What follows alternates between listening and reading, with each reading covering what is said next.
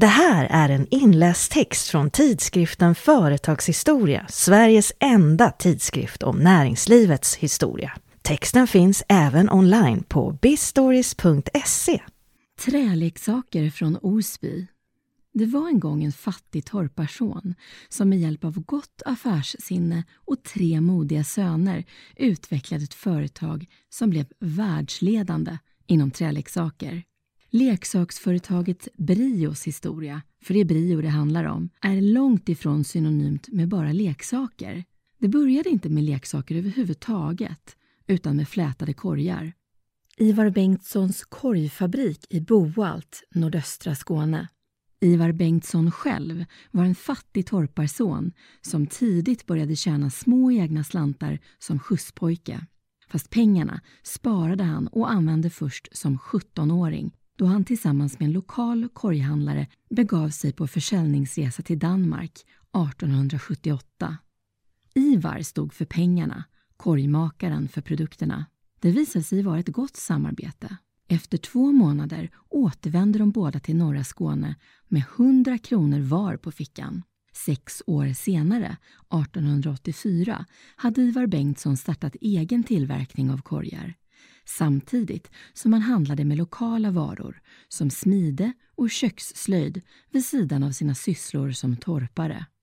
Affärerna gick bra och i början av 1900-talet uppgav Ivar själv att hans firma hade Sveriges största och mångsidigaste spånkorg, koffert och slöjdtillverkning.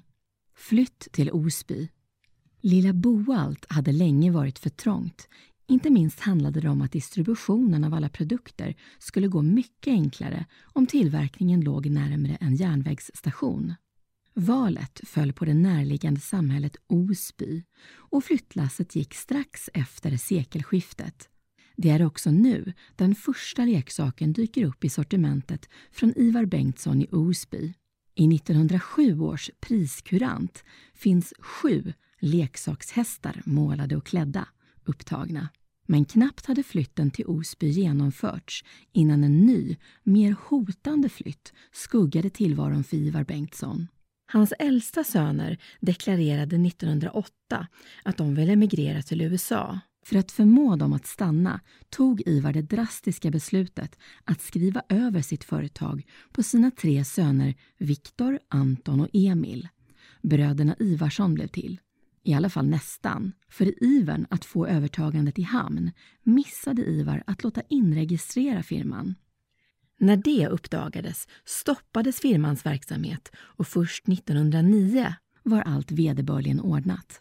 I överlåtelsen ingick också att Ivar själv skulle fortsätta att arbeta i företaget i tre år. Det blev inte riktigt så.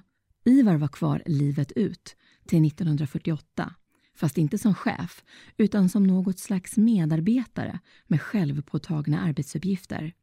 Fast när han gick in på sönernas revir och la sig i hur företaget styrdes och hur de anställda skötte sig, hände det att sönerna fick tillrättavisa honom. Ivars reaktion på detta var, enligt företagets jubileumsskrift från 1984, att han mer än en gång sa upp sig, tog ut sin lön och lovade att aldrig mer komma tillbaka. Fast tillbaka kom han för att fortsätta med sina sysslor som att samla snörstumpar som kunde användas, räta ut krökta spikar och släcka onödigt lysande lampor. Utvecklades till ett storföretag. Om fadern var sparsam var sönerna däremot mer villiga att satsa och våga. Därmed utvecklades också Brio till ett storföretag. Som stabil 60-åring kunde Brio 1944 stoltsera med 22 000 olika artiklar, 10 000 kunder och en försäljning på 10 miljoner kronor. En porslinsavdelning fanns nu också, liksom bland annat textilvaror, förutom leksaker och barnvagnar. Mycket köptes in, men en hel del, bland annat kläder och barnvagnar, tillverkades på egen fabrik och av hemarbetare på orten. Efter kriget befäste företaget sin ställning som ledande leksaksgrossist. Tredje generationen Ivarsson, med Lennart Ivarsson som VD, tog över och kunde 1958 introducera numera klassiska träleksaker som miniatyrjärnväg, tax och stapelclown. Med dagens ögon ser det ut som en rak linje av träleksaksframgångar och att dessa järnvägar, taxar och clowner sedan dess varit Brios oomtvistliga flaggskepp. Men faktum är att träleksakerna länge faktiskt behandlades en aning styvmoderligt inom firman. I alla fall om man ska tro Tore Östhall, gammal produktchef för just träleksaker. I en intervjubok med gamla medarbetare från 1995 berättar han hur han kort efter lanseringen av dessa klassiska produkter blev kallad till Lennart Ivarsson för ett samtal.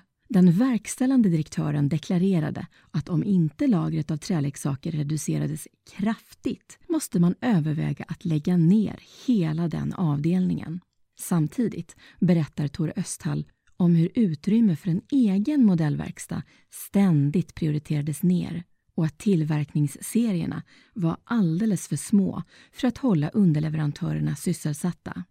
Först på 1970-talet, när dotterbolagen i England och USA etablerades, menar Tor Östhall att kvantiteterna äntligen blev tillräckligt stora för att det skulle fungera.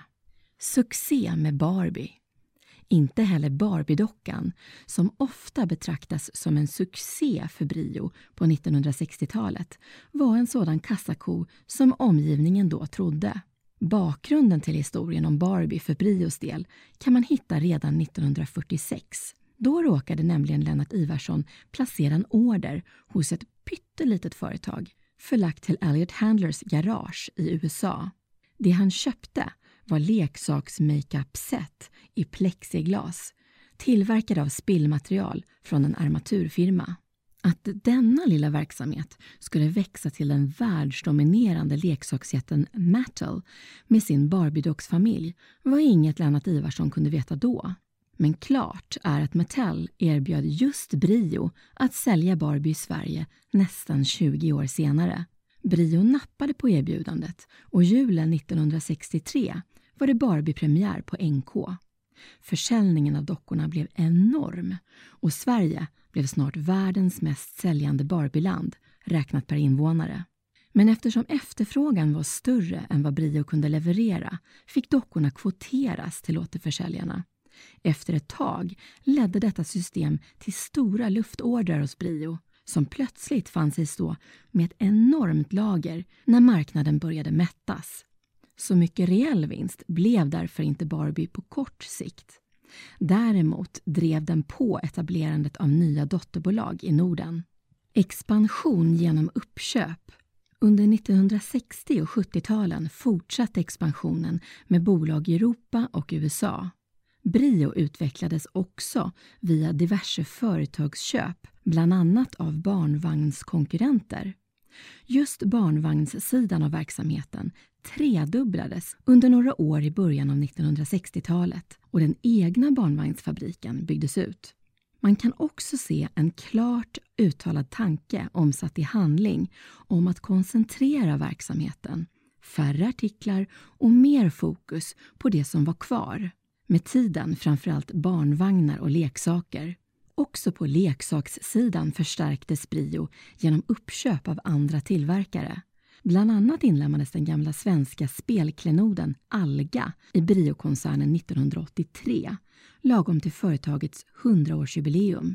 Labyrintspelet, det är förstås träleksakerna som har gjort att Brio lever kvar i medvetandet som leksaksföretaget med stort L. Och inte bara i medvetandet. Det ligger något i den gamla reklamslogan Leksak från Brio håller som tio från 1949. När den lanserades hade ganska nyligen en kommande världssuccé introducerats på marknaden. Labyrintspelet, Brios mest plagierade produkt någonsin. I produktkatalogen beskrivs det som ett nytt trevligt spel som fordrar skicklighet och koncentration. Medelst spelets två rattar kan planen luta på olika håll. Det gäller att balansera fram spelets kula förbi hål och hinder till poängsiffran 60. Labyrintspelets historia är lite som en saga. Den första prototypen skapades i Tranås på 1940-talet av Sven Bergling som lät den tbc-sjuke pojken Tage Friberg sysselsätta sig med det. Tage fastnade direkt för spelet och vidareutvecklade det. När han framgångsrikt började gå runt i stugorna för att sälja spelet ledde det till mer organiserad och fabriksmässig produktion. Via Brio togs sedan spelet ut i världen.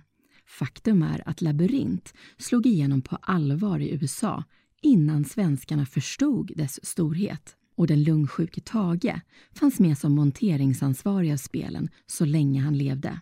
Sagans slut.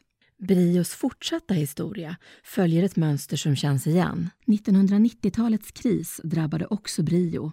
Verksamheten i Osby monterades ner och produktionen hamnade i låglöneländer. Familjen Ivarsson fortsatte vara huvudägare fram till 2004 då Proventus tog över majoritetsägandet. Brios barnvagnar köptes upp av Britax 2013 och två år senare köpte tyska Ravensburger Brio. Men för den leksugne historiefantasten finns det fortfarande anledning att besöka Osby. Alldeles intill järnvägsstationen i en gammal lagerlokal finns Lekoseum, ett leksakshistoriskt museum drivet av en stiftelse där också familjen Ivarsson finns med på ett hörn. Det här var en inläst text från tidskriften Företagshistoria, Sveriges enda tidskrift om näringslivets historia. Texten finns även online på bistories.se.